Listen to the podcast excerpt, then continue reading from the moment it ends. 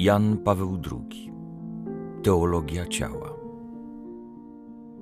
Poznanie i rodzenie Jest to oczywiście ciąg dalszy tematu, który już od szeregu miesięcy prowadzę, nawiązując do słów Pana Jezusa o małżeństwie i jego nierozerwalności, do słów, w których odwołał się do początku.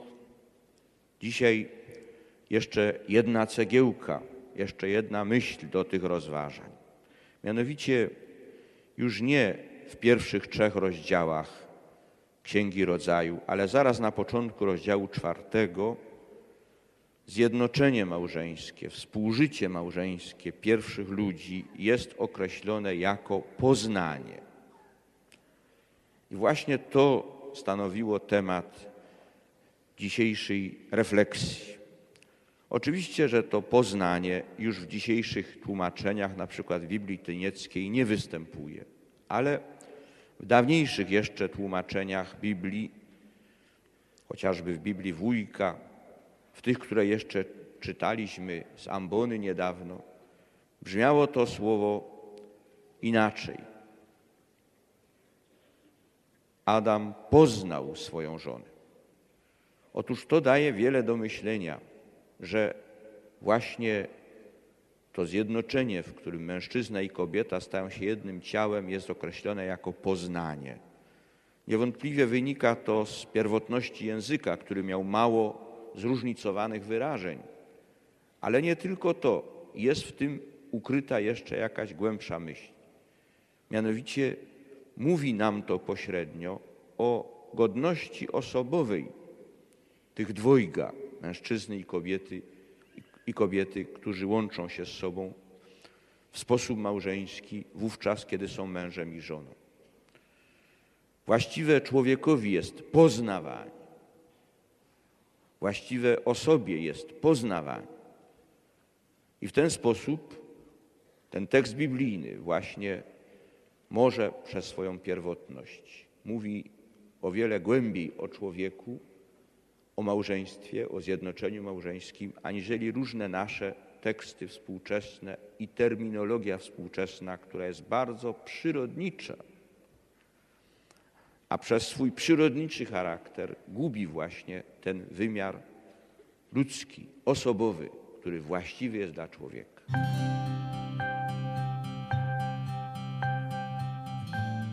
All'insieme delle nostre analisi dedicate al principio biblico. Do całości naszych analiz poświęconych biblijnemu początkowi pragniemy dołączyć jeszcze mały fragment tekstu z czwartego rozdziału Księgi Rodzaju. Naprzód jednakże należy stwierdzić, że Jezus Chrystus swoje słowa w rozmowie z faryzeuszami, słowa, w których obrębie stale toczą się nasze rozważania, wypowiada w takim kontekście ludzkiego bytowania, w którym śmierć i związane z nią zniszczenie ciała owo w proch się obrócisz, stały się powszechnym udziałem człowieka. Chrystus odwołuje się do początku, do pierwotnego wymiaru tajemnicy stworzenia, wówczas gdy ten wymiar został już jak gdyby przełamany przez misterium iniquitatis, przez grzech, a wraz z nim także przez śmierć, misterium mortis. Grzech i śmierć weszły w dzieje człowieka niejako przez samo serce tej jedności, jaką od początku stanowili mężczyzna i kobieta, stworzeni i wezwani do tego, aby stawać się jednym ciałem. Już na samym początku niniejszych rozważań stwierdziliśmy, że Chrystus, odwołując się do początku, przeprowadza nas niejako przez granice pierwotnej niewinności człowieka i jego dziedzicznej grzeszności i pozwala nam szukać ciągłości i spójni między tymi dwoma sytuacjami, przez które ukształtował się dramat tego początku w objawieniu tajemnicy człowieka historycznemu człowiekowi.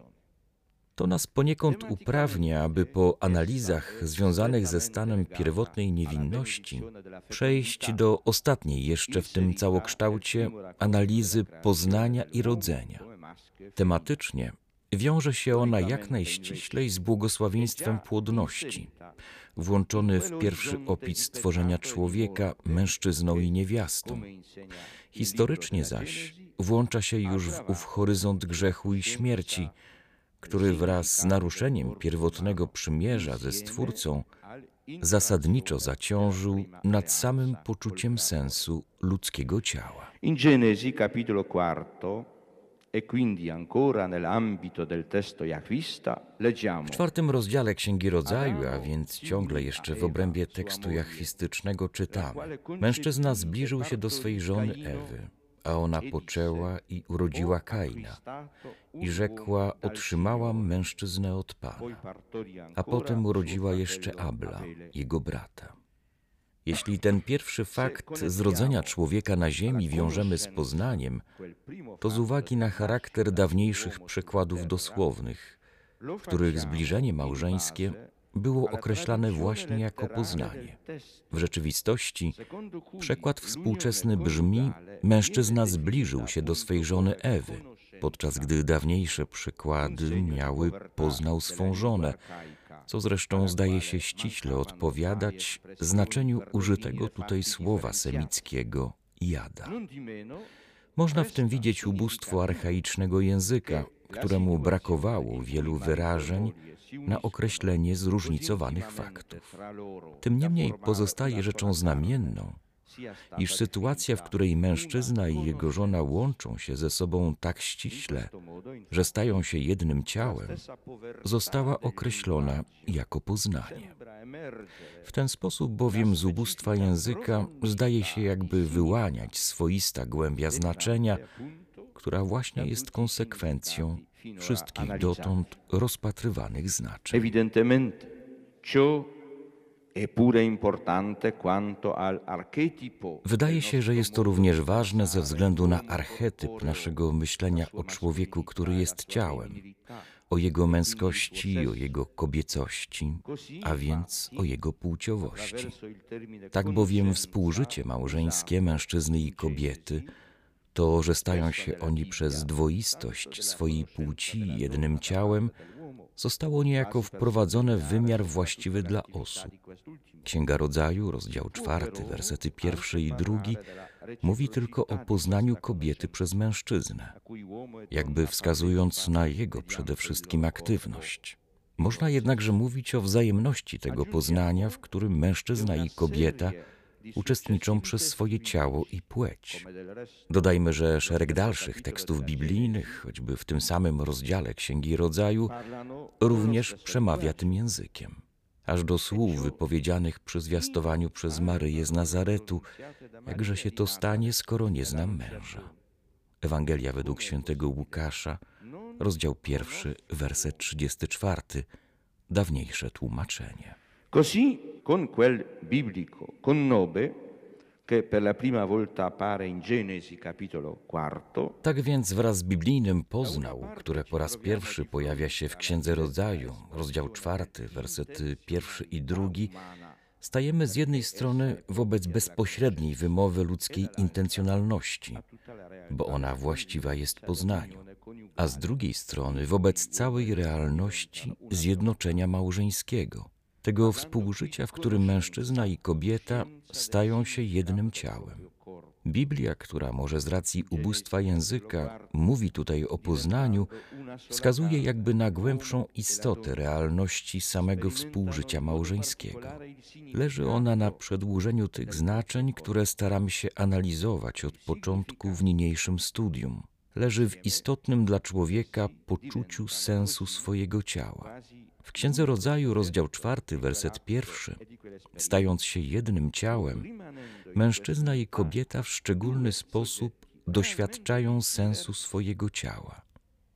Są oni wówczas jakby jednym podmiotem aktu i przeżycia, a przecież w tej jedności pozostają dwoma realnie odrębnymi podmiotami. To zaś już jakoś uprawnia do stwierdzenia, że mężczyzna poznaje swoją żonę, czy też, że oboje nawzajem się poznają. Chodzi o to, że wówczas odsłaniają się wzajemnie przed sobą tą szczególną głębią własnego ludzkiego ja, o której stanowi właśnie ich płeć, męskość i kobiecość.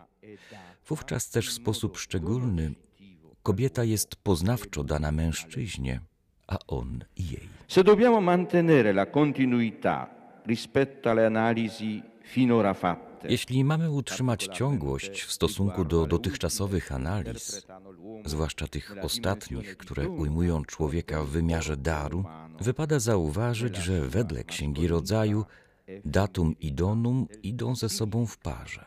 Jednakże Księga Rodzaju, rozdział czwarty, wersety pierwszy i drugi, akcentuje nade wszystko datum. W owym małżeńskim poznaniu kobieta jest dana mężczyźnie, a on jej, ponieważ ciało i płeć wchodzi bezpośrednio w samą strukturę i treść tego poznania. Tak więc realność małżeńskiego zjednoczenia, w którym mężczyzna i kobieta stają się jednym ciałem, zawiera w sobie nowe, w pewnym sensie definitywne odkrycie sensu ludzkiego ciała w konstytutywnej dla niego męskości i kobiecości. Czy temu odkryciu czynimy zadość, mówiąc w tym przypadku tylko o współżyciu płciowym? Wszak mężczyzna ani kobieta nie są tylko przedmiotem biernie określonym przez swoje ciało i płeć i w ten sposób przyrodniczo zdeterminowanym. Owszem, właśnie przez fakt bycia mężczyzną lub kobietą są oni sobą i są dani sobie nawzajem jako jedyny i niepowtarzalny podmiot, jako ja, jako osoba. Płeć stanowi nie tylko o somatycznej indywidualności człowieka, ale równocześnie określa jego osobową tożsamość i zarazem osobową konkretność. I właśnie w tej osobowej tożsamości i konkretności, jako niepowtarzalne ja kobiece lub męskie, zostaje człowiek poznany wówczas, gdy spełniają się słowa Księgi Rodzaju, rozdział drugi, werset 24. Dlatego to mężczyzna opuszcza ojca swojego i matkę swoją i łączy się ze swoją żoną tak ściśle, że stają się jednym ciałem. Poznanie, o jakim mówi Księga Rodzaju, rozdział czwarty, wersety pierwszy i drugi i wszystkie teksty biblijne, dosięga niejako samych intymnych korzeni tej tożsamości i konkretności, jaką mężczyzna i kobieta zawdzięczają swojej płci. Konkretność ta oznacza jednak zarazem jedyność i niepowtarzalność osoby. Warto się istotnie zastanowić nad wymową tego tekstu biblijnego, tego jedynego słowa poznał, które przy pozornym braku precyzji terminologicznej pozwala nam zatrzymać się przy tej głębi, przy tym wymiarze, których współczesne, czasem bardzo precyzyjne terminy właśnie nas pozbawiają. Da quel modo che troviamo all'inizio della Sacra Scrittura.